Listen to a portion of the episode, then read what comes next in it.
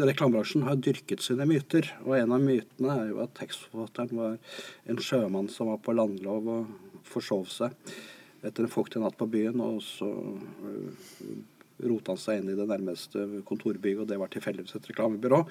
Og noen tiår etterpå så var han millionær og, og kjendis. Uh, og sånne mennesker finnes.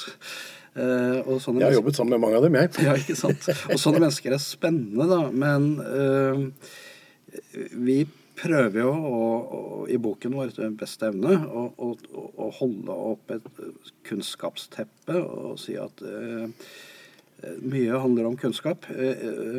og vi kommer jo fra en skole som sier at kreativitet kan læres. og det skal vi ta på alvor, utsagnet. Eh, alle kan være kreative. Ja, noen har et spesielt godt anlegg for det, som noen har absolutt gehør.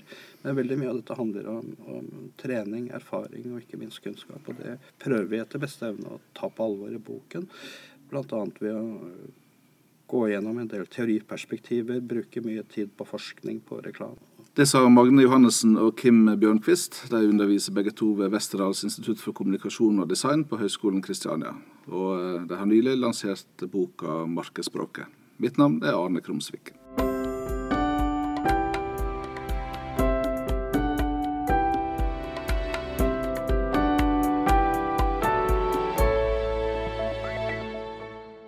Boken vår, eh, 'Markedsspråket', den hadde litt sånn kanskje litt snodig fødsel. Eh, men Kim og undertegnede og kollega Elling, som underviser i dag, vi, har, vi underviser alle på et tekstforfatteremne. Eh, og vi var litt fortvilte, for vi fant ikke noe, eh, noe egnet litteratur. Mye av litteraturen innenfor tekstforfatting er preget av sterke bransjepersonligheter som forteller mye spennende om sitt liv og sine metoder og sine suksesser. Eller så er det bøker av mer sånn how to do it, how to write, og slik skaper du, og slik skriver du selgende tekster, slike ting. Eh, en bok som eh, var mer teoretisk forankret, og som konsentrerte seg om tekstens bidrag til markedskommunikasjonen, den den fant vi ikke. Og vi fant heller ikke noe særlig relevant utenlandsk litteratur. Så vi tre gutta vi satt der, får vi skrive en sjæl. Og det gjorde vi. Det var jo litt, uh, var litt morsomt, fordi vi begynte jo med en bok som skulle være for studenter og, og tekstforfattere. Men uh, 425 sider og, og tre og et halvt år etterpå så fant vi ut at vi hadde jo egentlig skrevet en bok som kan brukes av alle som eh, bedriver ord, som vi sier. Så vi endte jo da opp med den eh, målgruppa som alle reklamefolk hater. Det ble alle. Litt selvironi på det må man vel ha. Ja. Så nå foreligger boken, og vi er jo spente på hvordan den blir mottatt. Eh, vi mener selv, og vi er vel ubeskjedne nok til å skrive å hevde at vi har eh, skrevet en ganske robust bok. Eh, den er tematisert i den forstand at eh, en del dreier seg om de teoretiske forankringer og de teoretiske perspektiver. En del handler om kreativitetens betydning relatert til kommunikasjon og markedskommunikasjon. Eh, og den siste del er eh, hvordan foregår dette i, ute i praksisfeltet, altså med sånne opp, operasjoner av ting vi har gått gjennom. da.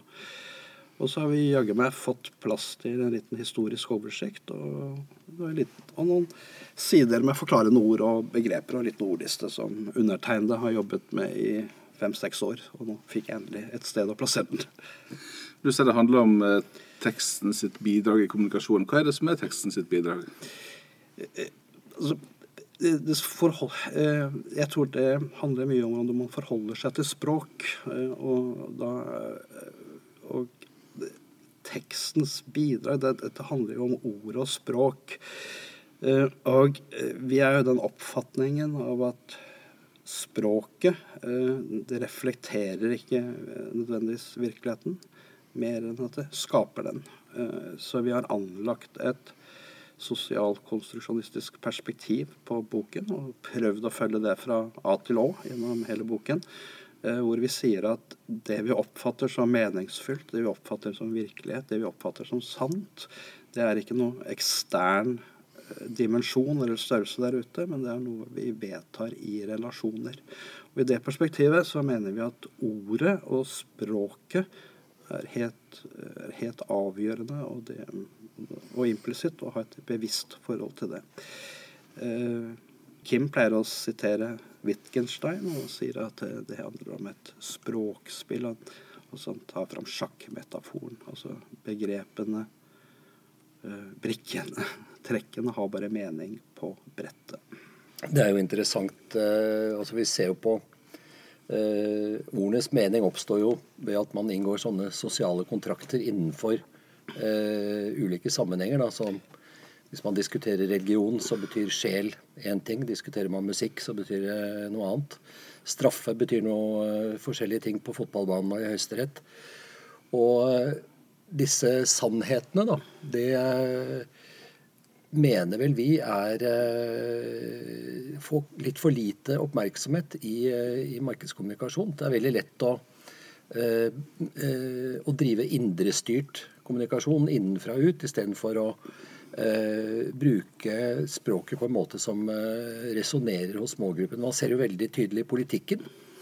Eh, kan si hva man vil om Donald Trump, men etter vår mening er han verken særlig smart eller sjarmerende. Men uh, han har altså skjønt det som egentlig var som lenge var tittelen på denne boken, nemlig at 'den som eier ordet, eier verden'.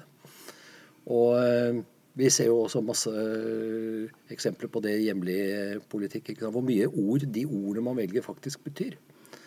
Og det er et gammelt uttrykk som heter 'å veie sine ord på gullvekt'. og det Eh, litt mer veiing, det eh, mener vi kanskje eh, er på sin plass. Hva som er den typiske forskjellen mellom politikerspråket og markedsspråket? Ja, man kan jo like det eller ikke, men det blir jo faktisk forskjellene blir mindre og mindre. Etter at spinndoktorene gjorde sitt inntog i, også i norsk politikk, hvor vi jo var forskånet for dem i, i mange år. Nå er det jo det det handler om. Det kan nesten virke sånn som at eh, politikerne nå har et lite forsprang på eh, markedskommunikasjonsbransjen eh, for øvrig, altså den kommersielle. De er blitt mer oppmerksom på det, mye mer fokusert på det. Noe som helt sikkert kommer av, av siste presidentvalget i USA, ikke sant? hvor man ser ja, hvor man ser rett og slett for, for et uh, formidabelt våpen språket er. Ordene. Det er et sånt gammelt uttrykk eh, i reklamebransjen som sier at løftet er reklamens sjel. Eh, det er alltid noe som loves, og det gjør vel politikerne også. Eh, vi syns jo også det er litt sånn morsomt at vi har jo kalt boken eller vi kaller jo boken vår for Markedsspråket. Men jeg tror det var Ingebrigt Sten Jensen som sa for 15-20 år siden at vi trenger jo ikke noe eget språk til å kommunisere produkter og produktfordeler. Eh, vi trenger det samme språket som André Bjerke og Knut Fallbakken fant formålstjenlig. Så, så, sånn sett så er det jo kanskje litt sånn eh, litt sånn eh, bittersøtt, kanskje, at vi kaller boken for markedsspråket. da. Men vi prøver jo med det også å signalisere at det som omtales her, er ikke det ufarlige språket. Dette her handler jo til syvende og sist om påvirkning rett og slett. Ingebrigt hadde et annet eh, godt sitat også. Han, eller, han eh, snakket om det at hvis du er en, uh, hvis du er vellykket forfatter i Norge, da, så blir du kanskje lest av altså 10 000 mennesker, altså 10 000 bøker i salg. Det skulle ønske vi kunne selge det. det. Det er jo en kjempehit. Mens skriver du en tekst som kommer på TV på en lineær kanal, så blir du sett av flere hundre tusen hver dag. Så han mente jo da at, eh, og det mener vi også, at eh, som tekstforfatter så har du et ansvar eh, til å forvalte dette språket da, som er, som er verktøyet ditt. Og det er jo et lite paradoks med all den nye teknologien og programmatiske kjøp og osv. at Noen har faktisk, noen eh, byråmennesker har faktisk vært ute og sagt at eh, er det så nøye med kreativitet og det å sitte og file på språk og uttrykk og sånn når vi vet alt om de vi skal snakke til? Vi blir jo litt himmelfallende over et sånn eh, argumentasjon. Hvis det er nettopp derfor er det jo viktig. fordi at du kan kjøpe de eh, adressene og eh, alle de opplysningene, betyr jo at det kan jo alle konkurrentene dine også. Og så er man tilbake på start, da. Men eh, det er også noe vi har sett Jeg er ute og holder foredrag og snakker med mange mennesker i, Vi mange, kjenner mange i byråbransjen. og det, det virker som det er en litt sånn kunstig mur mellom teknofolket og Eh, de som de kreative, da, som det jo fremdeles kalles i byråene. det Jeg tror de rett og slett snakker litt for lite sammen. Det, eh, og eh, mange, både annonsører og byråer, skriker jo etter eh, folk med eh, ordentlige skrivekunnskaper. altså som, eh, som, kan skrive, og som kan skrive markedskommunikasjon. For det er jo faktisk to forskjellige ting. Du kunne sikkert hatt fem eller ti av Norges beste forfattere, og mange av dem vil ikke kunne skrive seg ut av en papirpose engang på en re reklametekst. Eh, og ikke skal de det heller, for det er ikke jobben deres. Men eh, ja, skal vi litt optimistisk si, Magne, at tekst er, det er vekstbransje? Vi, vi håper det. Vi håper inderlig det. I en, verden, I en verden der du har mer og mer eh, målretta kommunikasjon, da, så blir det vel behov for enda flere tekster enn når du før skulle ha en annonse i VG eller ei reklame på TV 2. Ja, helt klart. Det er jo det er jo en annen ting også. Det er at eh, det er jo mange flere som skriver markedskommunikasjon nå. Altså hver eneste bedrift som skal ut på nettet. Eh, om det så er med en Facebook-side, så er det jo noen som må følge opp den og skrive. og Helst bør den oppdateres daglig. Og veldig mange av de eh, som får den jobben, har jo ikke noen bakgrunn for, eh, for skriving. Tidligere så var det jo tekstforfattere med Westerdals eller eh, Høgskolen Kristiania kreativ eh, kommunikasjonsutdannelse som fikk de jobbene. Men nå er det eh, holdt å si, produktsjefer, markedssjefer, som eh, sitter og gjør mye av det. Nettopp som du sier, fordi det har blitt så Det har liksom eksplodert med alle disse plattformene. Og jeg tenker også med Dette mangfoldet tar jo ingen ende. Det, blir jo bare mer og mer og mer. Og nettopp derfor så tror jeg det blir viktig med å ha en sånn sånn kvalitetsdimensjon. Å vite hva man holder på med. Og kunne formulere seg både presist og treffende. Det er en norsk reklamelegende som heter Børre Werner, og han sa det veldig presist. Det er bedre å bli sett én gang enn å bli oversett ti ganger. Og eh, dette handler jo veldig mye om kunnskap og kompetanse. Eh, og reklamebransjen har jo hatt et litt sånn eh, ja, Reklamebransjen har dyrket sine myter, og en av mytene er jo at tekstforfatteren var en sjømann som var på landlov og forsov seg etter en fuktig natt på byen, og så rota han seg inn i det nærmeste kontorbygget, og det var tilfeldigvis et reklamebyrå. Og noen tiår etterpå så var han millionær og, og kjendis. Eh, og sånne mennesker finnes. Eh, jeg har jobbet sammen med mange av dem, jeg. ja, ikke sant. Og sånne mennesker er spennende, da. Men uh, vi prøver jo å, å, i boken vår etter beste evne å, å, holde opp et kunnskapsteppe og si at uh, mye handler om kunnskap. Og vi kommer jo fra en skole som sier at kreativitet kan læres. Og det skal vi ta på alvor, utsagnet. Eh, alle kan være kreative. Ja, noen har et spesielt godt anlegg for det, som noen har absolutt gehør. Men veldig mye av dette handler om, om, trening, erfaring og ikke minst kunnskap. Og det prøver vi etter beste evne å ta på alvor i boken. Bl.a. ved å gå gjennom en del teoriperspektiver, bruke mye tid på forskning på reklame og, og slike ting. Men alle disse nye produktsjefene som da ikke skolert på det kreative. Som, bortsett fra orddelingsfeil, hva er det som er den typiske problemet de har når de skal kommunisere? Det er eh, alle klisjeene. Du tror det ikke, men ikke sant? Og dette har vi jo, vi jo Det er en sånn gjensidig pingpongsmitte fra nettavisene. Eh, Klikk-Agnets tidsalder er vi jo oppi oppe i så det holder. Og eh, det blir en sånn forenkling og man dummer ned eh, budskapet sitt og eh, glemmer litt at de som sitter og skal eh, lese dette og kjøpe produktet eller eh, mene det samme som deg, de er eh, minst like intelligente som deg. Mm. Og jeg har gjort litt research i forbindelse med Jeg skal holde noen foredrag for noen content marketing-mennesker. Og eh, det var en sånn amerikansk forskningsrapport som sa at uh, var liksom de vanligste årsakene til at uh, en content-kampanje går på trynet. Og nummer to, det var uh, mangel på språklige kunnskaper. Altså rett og slett Du kan ikke skrive. Og nummer én var for dårlig tid. Og de to tingene Det er jo en dødelig kombinasjon når de to tingene henger sammen. ikke sant? Da er det veldig lett å gripe ned i klisjévesken og komme opp med alle disse dusteløp og kjøp-språket, som jo er eh, ord som er tømt for virkning. Men jeg har bare lyst til å si en ting til, og det er at uh, undertittelen på boken er jo 'Språk og idéutvikling i markedskommunikasjon'. Vi snakker jo veldig mye om ideer. Du kan jo ikke skrive en setning før du har en idé om hva du skal skrive om, eller et en vinkling. Vi snakker også mye om eh, å velge forbrukerløftet. Altså hva, det, hva, skal dette produktet faktisk eh, gjøre? Hvilket problem skal det løse for eh, de du snakker til? For det er jo eh, det er lett å hoppe over.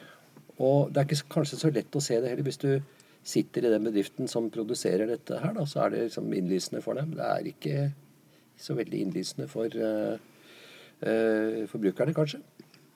Jeg har ei mørk fortid som tabloidredigerer og svart belte i eh, bokstavrim og ordspill og sånn. Har det noen rolle i dagens markedsspråk? Jeg, altså, man sier jo ofte at man skal være så forsiktig med for fikse påfunn. Eh, for jeg tror vi reklamefolk vi, Noen ganger så innbiller vi oss alle er veldig interessert i det vi holder på med, men folk er jo ikke det. Eh, så det er noen cases og eksempler på at man kan gjøre veldig mye snåle ting som virker som bare det. Men hvis det blir for fikst eller for mystisk, så, orker ikke folk å engasjere seg. Uh, og uh, Elling og Kim og undertegnede, vi har en felles helt, og han heter David Ogilvy. Han var jo en av gigantene i reklamebransjen. og han har begunstiget oss med en del vidunderlige sitater. Og han sier at den gode tekstforfatteren skal være en blanding av poet og blodhund. Og begge deler er like viktig. Blodhunden som har det instrumentelle perspektivet. Eh, og poeten som ser språket og ordene og den verdien de har i seg selv. Han ønsket seg også, som han sier, medarbeidere med hjerne, eller presist 'gentlemen with brains', som han sa. Eh, så, og jeg, for meg så er det, ligger noe implisitt der at han faktisk tar målgruppen på alvor. Altså Menneskene der ute er faktisk i stand til å tenke og reflektere. Men de er kanskje ikke alltid like interesserte, da.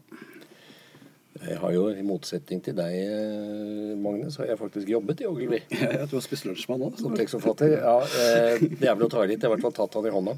Så how do you do? Det var vel vår samtale. Men eh, det dukket opp plutselig et, et sånt Han sendte rundt sånne interne skriv, og var et som jeg husker hvor det sto at uh, Remember, the consumer is not a moron. She is your wife. Hvorpå det da selvfølgelig dukket opp uh, et par minutter etterpå plakater over det hele. Remember, the consumer is not a moron. She's David Ogilvy's wife.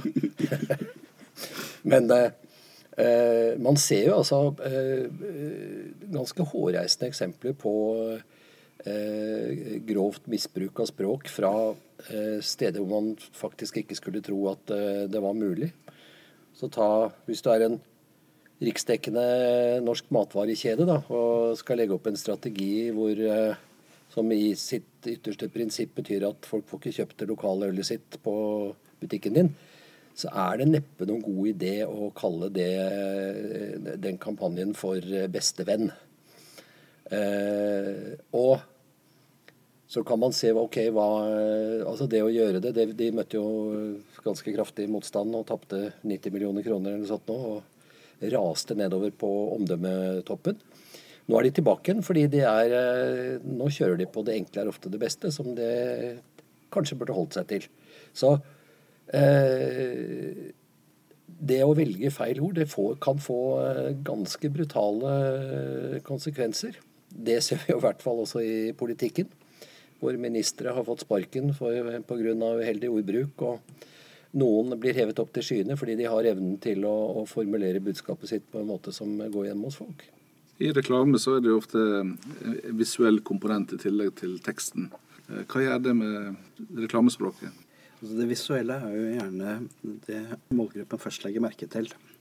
Uh, og undersøkelser og studier og sånn såkalt eye-tracking har jo vist at man søker gjerne det visuelle, og gjerne noe som stikker ut.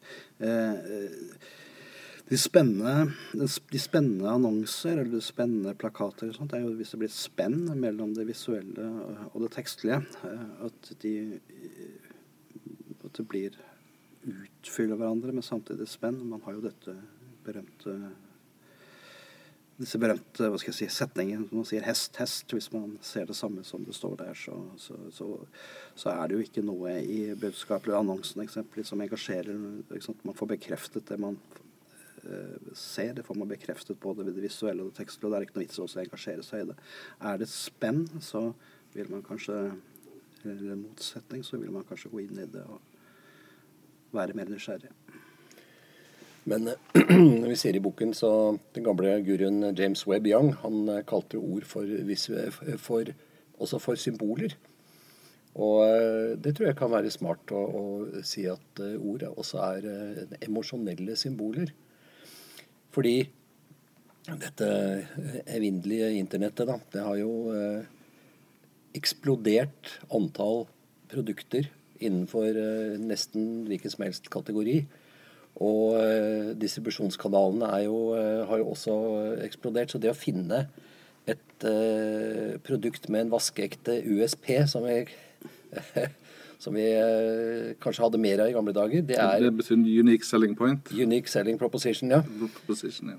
Og det, er, det, det, blir som å lete etter en nål i en digital høystakk. Så eh, nå ser man at mer og mer man går over til ESP, altså Emotional Selling eh, Proposition, hvor man, det blir viktigere og viktigere å knytte følelser til, uh, til uh, produktet eller saken man skal argumentere for. Og det tror Jeg er muligens part i saken, men jeg tror i hvert fall det er vel så effektivt å gjøre med ord i forhold til å bare gjøre det med, med det visuelle dette er jo temaer som vi, som vi, utforsker i boken vår. Uh, og vi ser jo hvordan også reklameforskningen har beveget seg fra, fra, det instrumentelle, fra såkalt scientific advertising, hvor man var opptatt av å se statistisk, statistiske sammenhenger eh, mellom virkemidler og elementer i kommunikasjonen. Eksempelvis hva skjer hvis vi erstatter uh, et Eh, illustrasjonen med et foto, jo, vi får bedre respons osv. Eh, mens mange reklameforskere i dag de, de, de ser på eh, Kan reklamen bidra til mening eh, hos forbrukeren? Og det er ikke mening med stor M, altså de store spørsmålene her i livet, men den hverdagslige meningen kan, kan gi et bidrag der med å liksom hva som er ålreit og ikke ålreit, og hva som er morsomt osv. Da har vi jo absolutt det, dette emosjonelle aspektet som Kim snakker om. Men er det forskjell på det som en kaller for salgsutløsende reklame, og det som er mer sånn profilbyggende når det gjelder språklig flid? Som tekstforfatter, reklameutøver, strateg osv. Så, videre, så har du alltid kontroll på virkemidlene, ned til det minste komma. Men du har jo aldri helt kontroll på effekten. Det er jo til syvende og sist målgruppen som ønsker å ta dette til seg eller ikke. Om de hva skal jeg si, kategoriserer dette som profilskapende eller hm, jeg kjøper her og nå. Eh, og i det perspektivet så er det alt eh, interessant eh, å debattere, og det går vi inn på i boken vår. Hva skal vi egentlig forlange av reklamen? Vi, er det et sånn direkte sammenheng mellom et uttrykk og et kjøp, eller er det slik at reklamen kun kan gi et noe innhold, et bidrag til meningsskapende. Og da har egentlig reklamen gjort jobben sin, og da får noen andre ta over. Og, eh, og de diskusjonene de føres ikke så ofte, synes vi. Eh, ofte så blir det litt sånn forenklet at eh, vi har jo avertert. Hvorfor får vi ikke noe effekt? Å dykke inn i de inn i de konstellasjonene og de perspektivene det er spennende. Og her opplever vi ofte at liksom både byrå og kunde snakker litt forbi hverandre da, og har kanskje litt ulike forventninger. Det var jo en litt ironisk eh, herre en gang som sa at reklamefolk burde drive verden, for i reklamen er alle lykkelige. Ikke sant. kan vi snakke om eh, motebølg og trender også når det gjelder reklamespråk? I hvert fall på konsepter, tror jeg. Eh, så, så dukker det opp med jevne mellomrom at noen har, sånn, noen har funnet det hellige gral, rett og slett. Eh, og, og tar gjerne patent på den. og kaller det med noe Ja, har noen litt spennende forkortninger og så videre Men man har jo ikke kommet, klart å komme opp med en sånn unified theory innenfor markedskommunikasjon. Det har man ikke. Det er for mange variabler, det er for mange faktorer. Så, men at det er bølger, både visu, visuelle utforminger og kanskje litt sånn språklig, tror jeg sikkert. Jeg husker da Janne Karlsson kom inn og, og snudde eh, SAS-skuta så eh, var jo alle byråer i Skandinavia var jo helt fortvilet. fordi at eh, det var et sånn rush av kunder som kom og skulle, skulle gjøre sånn som SAS.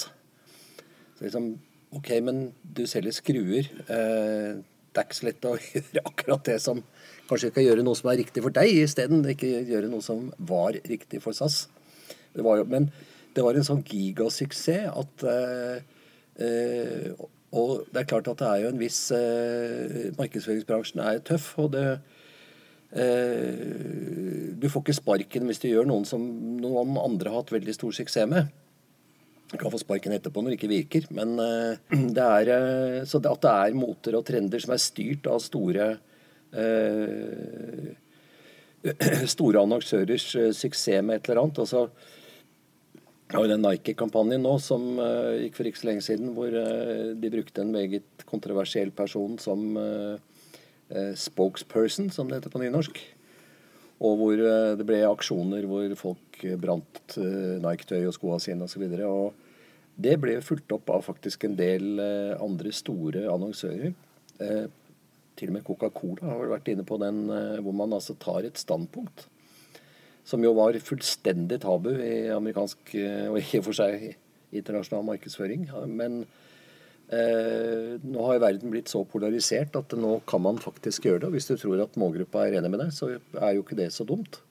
Men eh, eh det er nok litt fremdeles litt for mye sånn saueflokkmentalitet at eh, når noen har suksess med noe, da kan sikkert vi få det også. Jeg tror det er litt sånn, sånn element av trygghetssøking her også. Fordi Eh, det, det, utvikles stadig teorier om kommunikasjon og markedskommunikasjon, og innsikten vår økes gradvis. Eh, og her hjemme eh, så er det flere som tar dette inn som, som akademiske fag. Og det er egentlig ganske litt, sånn litt nytt i Norge. Her har jo Høgskolen Kristiania gått i bresjen, mener jeg. Så, men til syvende og sist, mener jeg, i kanskje ikke alle som er enig med meg, så er det alltid litt sånn magi igjen. Du kan liksom komme til et visst punkt, og så tar faktisk magien over. Uh, og det er noe udefinerbart og absolutt ukontrollerbart. Så mangel på et bedre ord, så kaller jeg det ja, kanskje språklig magi. da. Og hvis da noen har hatt en suksess med å enten rive pyramider eller det ene eller det andre, så er det jo trygghet, en smule sånn trygghet å gjøre det samme. da. Fordi du du kan ikke garantere, eller ikke garantere deg mot denne magien.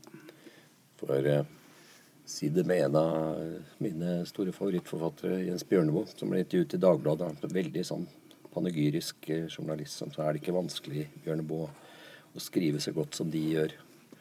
Så det er meget enkelt å skrive godt hvis man kan det.